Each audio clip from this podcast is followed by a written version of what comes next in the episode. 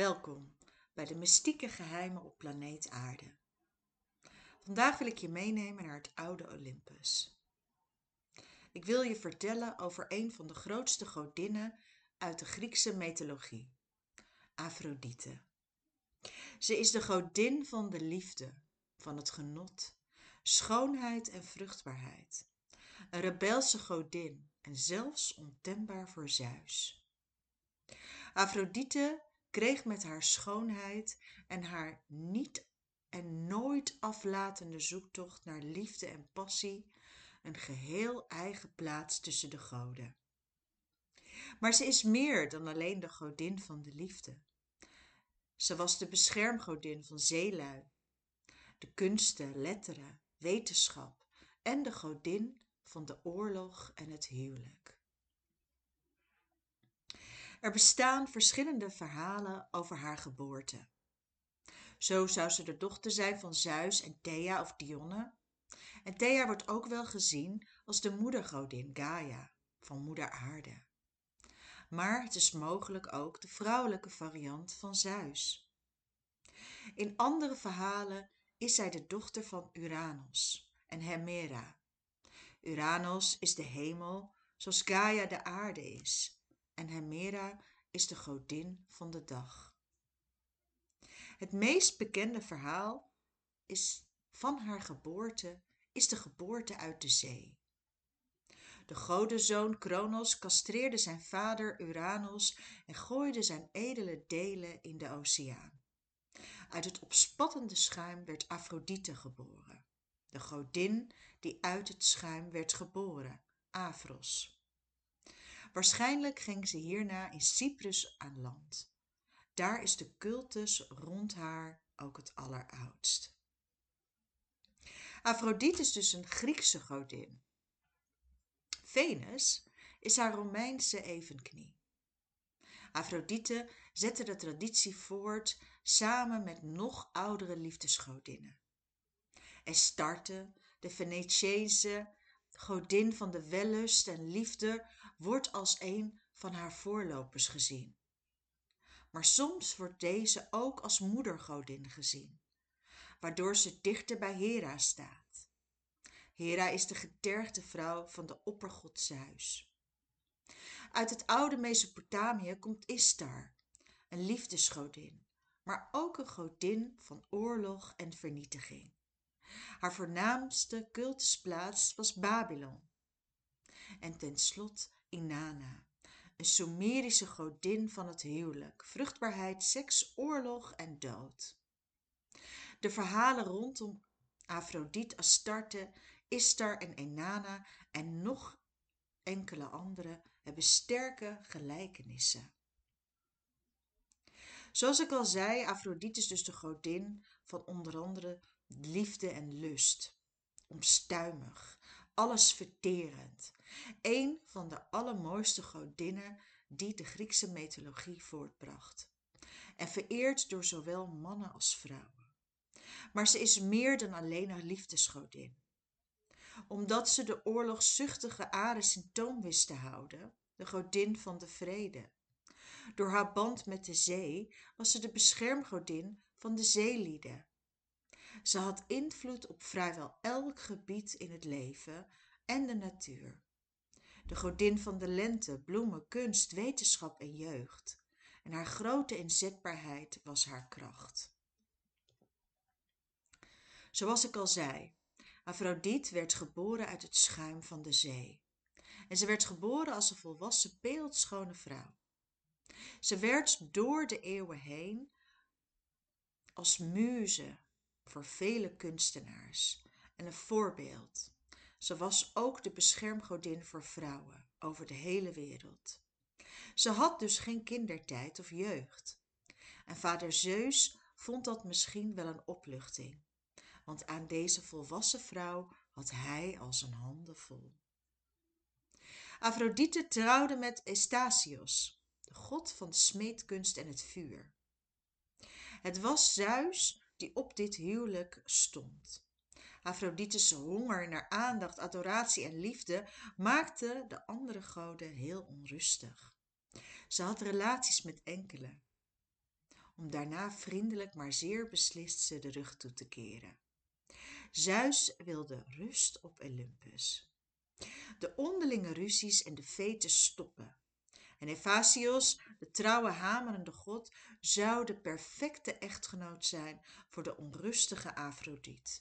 Die arme Hephaestus. Hij hield zoveel van zijn vrouw. Maar zij bleef hem niet trouw. Ze had affaires met goden en stervelingen. Hephaestus was ook een van de lelijkste goden. Waarschijnlijk ook een zoon van Zeus, maar hij deed zijn best. Hij maakte de meest prachtige sieraden voor zijn vrouw, om haar nog mooier te maken, vergetend dat ze hierdoor nog aantrekkelijker werd voor anderen. En die anderen, die waren er. Altijd. Afrodite hield niet van haar god en had dus talloze affaires die ze ook niet verborgen hield. Aros of Ares, god van de oorlog, was een van haar belangrijkste. Evasias kon het niet verdragen. Hij maakte een net, een sterk magisch net, dat hij over de twee gooide, terwijl ze naakt in zijn bed lagen. Met het net ging hij naar de andere goden, die hem alleen maar konden uitlachen. Dit was dan ook het einde van een ongelukkig huwelijk. Afrodite kreeg heel veel titels. Een van de belangrijkste is Afrodite Urania, de hemelkoningin. Het is de kuise godin die voor puurheid en vruchtbaarheid staat. In deze hoedanigheid was ze sterk verbonden met de Venusster. Daarom noemden de Romeinen hun Afrodite ook Venus. Tegenover Urania stond Aphrodite's Pandemos, de lentegodin, maar ook de godin van de meer lichamelijke liefde. Het was de godin van het volk met uitbundige feesten en verhalen van haar relaties met haar twee grote liefdes, Ares en Adonis. Moira is haar oudste verschijning. Volgens sommigen zelfs ouder dan Zeus. Als Moira is zij het lot en ze verbindt zich met de drie schikgodinnen. Deze godinnen bepalen het lot van de mensen en zijn in enkele verhalen machtiger dan Zeus. Als Afrodite Nymphia is zij de godin van het huwelijk. Afrodite Aria toont de binding met de oorlogsgod Ares. Door hem werd zij godin van de oorlog. En als Afrodite Uploia is zij de godin die uit de zee werd geboren en dus de beschermgodin van de zeelui. Afrodite heeft dus allerlei rollen. Urania en Pandamos zijn altijd het sterkst gebleven.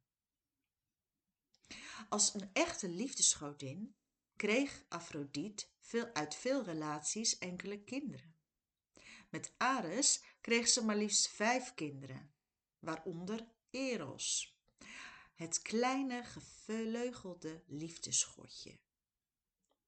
Uit haar kortstondige affaires met Hermes, de god van de handel, ontstond dus. Rhodos en Herophilius waren haar kinderen van de andere zeegod Poseidon. Dionysus was de vader van Priapos en Hermanos. Er zijn diverse relaties met stervelingen. Anaias was haar zoon uit een kortstondig samenzijn met een sterveling. Deze zoon zou de oervader worden van het eerste en grootste Romeinse Rijk. Vooral in haar relaties tot dit kind was zij de bezorgde moeder, de beschermster en waar nodig de redster. Haar verhouding met de sterveling Adonis bracht haar golgos. Zoals ik al zei, er waren meerdere vereringen. En in Cyprus daar kwam ze mogelijk aan land, daar staan de oudste tempels. De oude godin Astarte werd de Griekse Afrodite. En de tempels werden bevolkt door kunstenaars, zangers en allerlei anderen. Vooral de lentefeesten waren populair.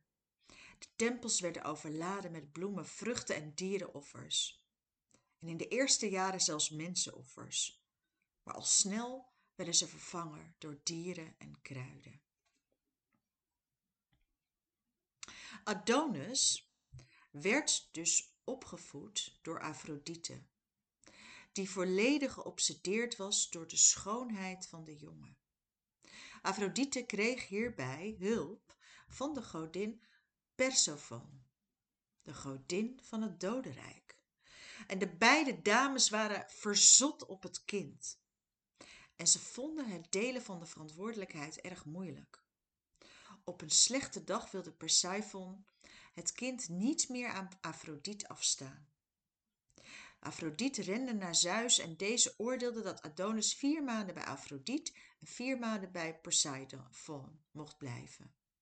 De overgebleven maanden moest hij op zichzelf blijven, want Zeus wilde er geen moederskindje van maken.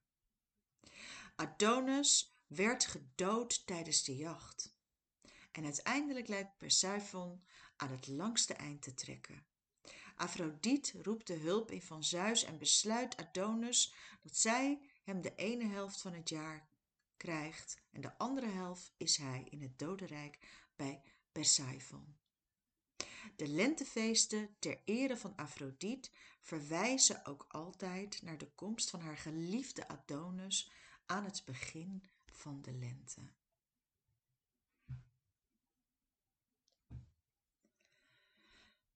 Ik wil jullie een verhaal vertellen van Afrodite en Paris, het oordeel van Paris. Het was feest op Olympus. Een huwelijk tussen Pelavos en Thetis werd voltrokken. Eris de godin van de twist was tot haar grote ongenoegen niet uitgenodigd. En boos gooide ze een gouden twistappel tussen de feestvierders met daarop de tekst voor de mooiste. Hera, Afrodite en Athena doken er onmiddellijk op af, overtuigd van hun schoonheid. En Zeus werd erbij geroepen. Hij wilde niet weer een gevaarlijk gevecht. Dus hij stuurde ze naar de koningszoon Paris. Die moest maar vertellen wie de mooiste was. Hera beloofde rijkdom, Athena beloofde wijsheid en Afrodite beloofde dat zij de mooiste vrouw was en hij natuurlijk de mooiste man. Eén keer raden wie won. Afrodite natuurlijk. En zo zijn er heel veel van dit soort fantastische verhalen. Afrodite won en hierdoor kreeg uiteindelijk zelfs Troje een oorlog. Afrodite was de mooiste en de grilligste, maar ook de ongeduldigste godin van Olympus. Zeus, die mogelijk haar vader was, heeft haar echt heel vaak uit de brand geholpen en probeerde haar met alle mogelijke manieren in het gareel te krijgen. Ze wilde zo graag onvoorwaardelijke liefde en aandacht en deed daarin geen enkele concessie. De arme Psyche, die de pech had beeldschoon te zijn, wekte de jaloezie op van de morrende godin. Eros moest haar verliefd laten worden op de lelijkste man op aarde maar helaas raakte hij met een pijl zijn eigen arm. De koning van Kreta, Minos, trouwde onder andere met de mooie Pessifa, de dochter van de zon Helios. En Afrodite had een hekel aan Helios, omdat hij een affaire met Ares had verraden. Ze liet de arme Pessifa verliefd worden op een stier. Het kind dat uit deze relatie werd geboren was de Minotaurus. De Minotaurus was half mens, half stier. De vrouwen van het eiland Lemnos werkten de woede op de godin omdat ze weigerde offers aan haar te brengen. Afrodite liet alle vrouwen zo hard stinken dat iedere man van het eiland vluchtte. Hippolytos, de zoon van de Amazonekoningin had weinig belangstelling voor de mooie Afrodite, maar wel voor Artemis, de godin van de jacht. En Afrodite laat zijn stiefmoeder verliefd op hem worden. En zo weet ze weer een echte tragedie op gang te brengen. Wat waren de symbolen die bij Afrodite hoorden? De zwaan hoort bij Apollo, maar ook bij Afrodite. Zwanen stonden voor schoonheid, de dichtkunst en muziek en alles waarmee Afrodite verbonden was. De roos natuurlijk, de bloem van de liefde, hoort ook bij dit symbool. De roos staat over het ontstaan uit het bloed van de mooie Adonis. Daar staat het symbool voor. Een krijgshelm wordt afgebeeld als wanneer Afrodite Areia is, de godin van de oorlog. De schelp natuurlijk omdat ze naar Cyprus werd geblazen. En een spiegel voor de schoonheid. Want zonder de schoonheid, ja, is er eigenlijk geen Afrodite. En kan je gelijk ook denken aan het verhaal van Paris. Met die spiegel laat ze dus zien hoe mooi ze is. En hij ook. En de appel, die hoorde je net al. Maar de appel staat hier vooral voor vruchtbaarheid en liefde. De magische gordel die de liefde opwekt. En als laatste mirre. Mirre werd als offer verbrand bij rituelen rondom de lentefeesten. Terwijl ik jullie meeneem naar het oude Olympus, kan je misschien ook voorstellen dat heel veel tradities, religies van heden ten dagen, dat die eigenlijk een beetje vermengd geworden zijn. Dat alles een beetje, ja, door elkaar is. Hoe zit dat nou precies? Ja, dat weten we natuurlijk nooit. Maar het is heerlijk om erover te praten met elkaar. Ik zal jullie nog eens een mythe vertellen. Van Afrodite uit het zilveren schuim. Dus, je moet je voorstellen. Er zijn heel veel verhalen over. Over dus Afrodite. Er wordt gezegd dat ze dus uit de zee is ontstaan op het moment dat de golven van de zee bevrucht werden door de enige neervallende bloeddruppels van de eerste wereldgebieder en godenkoning Uranus. Nadat hij dus door zijn zoon, zoals ik al aan het begin noemde, Kronos, met een diamanten sikkel was gecastreerd en daar naar heerschappij had beloofd. Ze rees uit de baren van de zee als de schoonste van alle vrouwen. Ze werd geboren beminnelijk en lieftallig, met glimlach, en ze kreeg dus die naam Afrodite. Ze zweef over de wateren, eerst naar het eiland Kitara en daarna ging ze dus naar Cyprus. Waar ze verscheen veranderde de woeste grond in bloeiende velden. Bloemen ontsproten onder haar bekoorlijke voeten en de gehele aarde juichte in hemelse verrukking. Een zachte adem van de Sefer had haar naar het land gevoerd. En daar wachtte haar de horen van de lente op, naar de onsterfelijke goden. Zoals de beroemde beeldhouwer Phidias het voorstelde toen ze uit de zee opdook. Er zijn dus ook allerlei erediensten. Vanaf haar geboorte tot aan haar afkomst staat het in relatie met de drie delen van het heelal. Haar oorsprong bevindt zich dus in de hemel, want ze is geboren uit de zee en de aarde heeft haar ontvangen met al de pracht en heerlijkheid die de lente kan geven.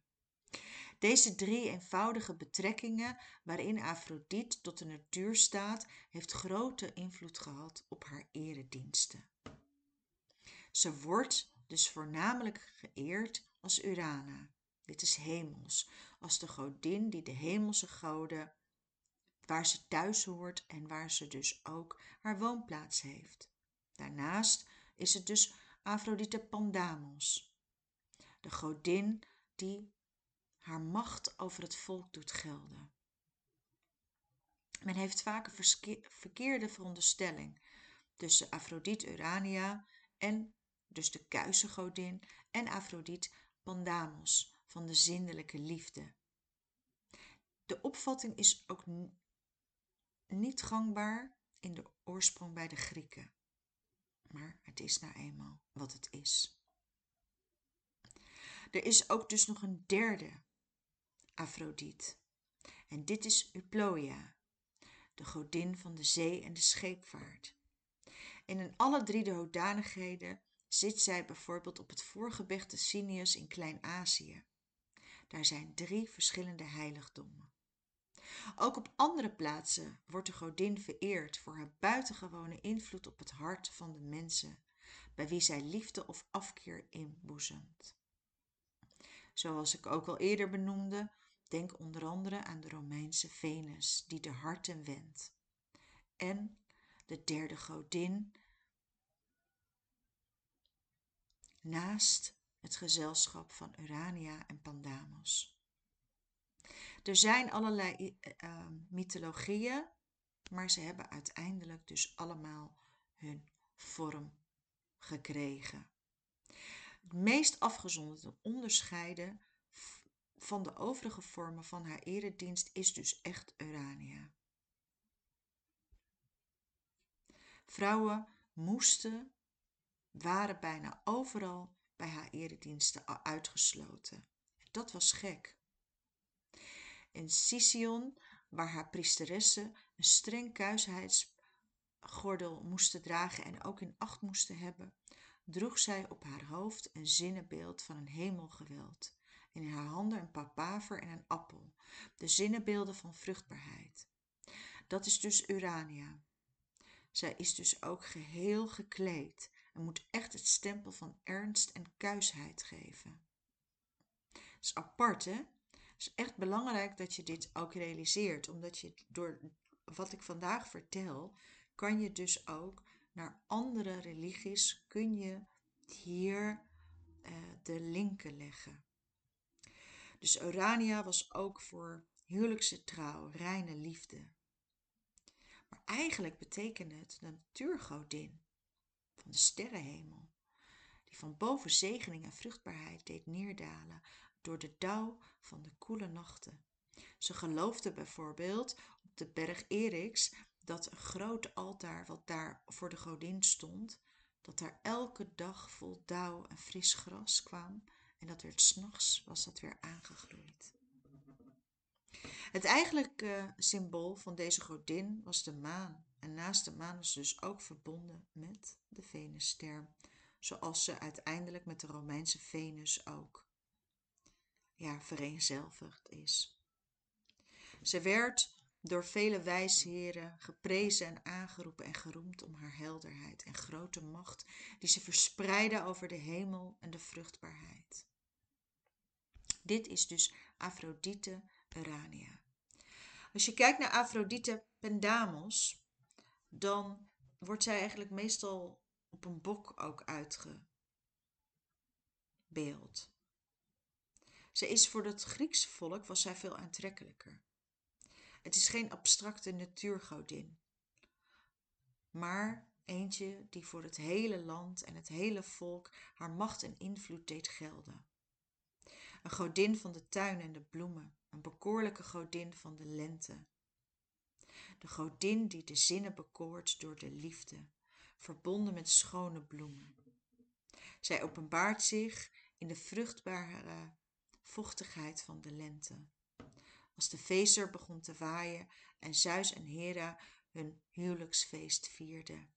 Als de hemel bevruchte regen op de aarde liet neervallen en de doodslaap van de winter week van het jonge, frisse leven van de lente, dan was het tijd om Afrodite Pendamos te vereren. Griekse dichters bezongen haar macht, de macht van de liefde. En in het jaargetijde smaakte het naar zoet genot. Ze vertoeft bij Adonis op Cyprus, bij Hephaestos op Limnos en bij Heres in Tepe, bij Antius in de bossen van het Idasgebergte En het spreekt vanzelf dat de voornaamste feesten van deze Afrodite in de lente werden gevierd. Vooral in Papos en in de Amatheos op Cyprus, waar men ook de geboorte van Afrodite uit de zee herdacht. Tegenover de vrolijkheid en de uitgelatenheid van de feesten stond ook diepe, buitensporige smart. Dat werd gekenmerkt en dat had natuurlijk te maken met de dood van haar grote liefde Adonis. Adonis, die schone jongeling, zoals ik al met hem gesproken heb en over hem gesproken heb. Vooral in het, in het oosten heeft zich rondom de mythe van Afrodite en Adonis hebben zich grote feesten gemanifesteerd. Adonis werd voorgesteld en er waren allerlei klaagliederen. Maar ook Adonis leeft en hij is verrezen. En door het nieuws van zijn terugkeer, de smart in blijdschap, hij werd omgetoverd. Waren er allerlei tuinen en bloeiende bloemen te ere van hem. De mythe vertelt dus dat de godin aan Adonis ook twee kinderen heeft. Golgos en zelfs Berui. Die had ik nog niet eerder genoemd, die naam. Dus bij deze. Dus ook als je dit, het wederkeren, dus het wederkeer, dat zie je ook weer in het christendom terugkomen. En dat is vandaar dat ik ook nu Adonis dus onder andere noem. Dan hebben we uh, nog tot slot Afrodite Euplaia. Deze staat ook weer in bekend betekenis tot de zee en het is om een goede vaart te schenken. Andere bijnamen zijn Poncia van de diepe zee, Telassia van de zee, Limania en zo zijn er nog een paar. Zij werd natuurlijk aan de kusten vereerd, want ze wilde een kalme, rustige zee. Zij weet Poseidon, die de stormen weet te verwekken tot bedaren te brengen, want, zoals ik al eerder heb genoemd, ze heeft ook een relatie met hem gehad en zelfs een kind met hem gekregen. Aan deze drie voorstellingen die men van Afrodite vormde, sloten zich ook nog andere aan. Dus ze werd natuurlijk vereerd als godin van de schoonheid, maar ze had nog wel veel meer. De oorlogsdaden waren haar ook niet vreemd. Waagt ze zich in de oorlog, dan bekomt het haar slecht, zoals bij Troje door Dinomes, die met steun van Pallas Athenus kon rekenen en gewond werd. Op het slagveld kon ze haar macht niet doen gelden. Dan heb je de gulden Afrodite, die zoet lachend. En zo is er nog veel meer. Er zijn zoveel bijnamen en vereringen van deze hele bijzondere godin. Tot slot wil ik graag nog eentje noemen, Aphrodite's Erakine, ook een bijnaam naar de berg Erex, Erex in Sicilië. Daar staat ook onder andere een prachtige tempel. En de lijst is eindeloos. Al in het begin heb ik genoemd Aphrodite Nymphia als beschermster van de jonggehuwde, maar ook Aphrodite Petio voor de versmelting van Aphrodite en haar metgezel Petio. Dus aspect van huwelijk en verloving. Aphrodixenia, dat is een beetje vreemd, maar dat is toen ze opgericht werd, de tempel die in Egypte kwam. En het is voor de beeldschoon, ook weer van Paris. Dan heb je nog de zogenaamde Afrodite van Afrasius, de stadsgodin van Afrasius Anatolia. En dit is ook weer een godin. Er waren feesten en alles ging altijd gepaard met vruchtbaarheid.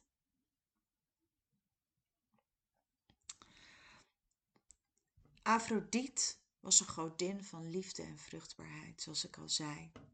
En ze schenkte ook aan de stervelingen een innemende bekoorlijkheid. Zoals ik al noemde, ze heeft vele minnaars gehad. Er zijn enorm. Er zijn uiteindelijk zelfs zeven kinderen uitgeboren. En de mythen om haar heen zijn groot.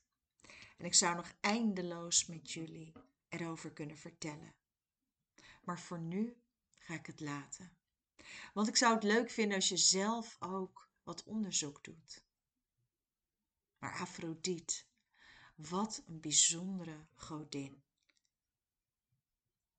En haar naam wordt eigenlijk in deze tijd tekort gedaan. Vandaar dat ik besloot om eens over haar een klein tipje van de sluier te vertellen, hier bij de mystieke geheimen. Wil je alle informatie? Laat het dan even weten via Radio Gletscher. Dan stuur ik je een document toe waarin je exact nog meer informatie krijgt. Ik wens je een hele fijne dag. Mijn naam is nog steeds Patricia Mensink en volgende week hebben we weer mystiek geheim. Dag!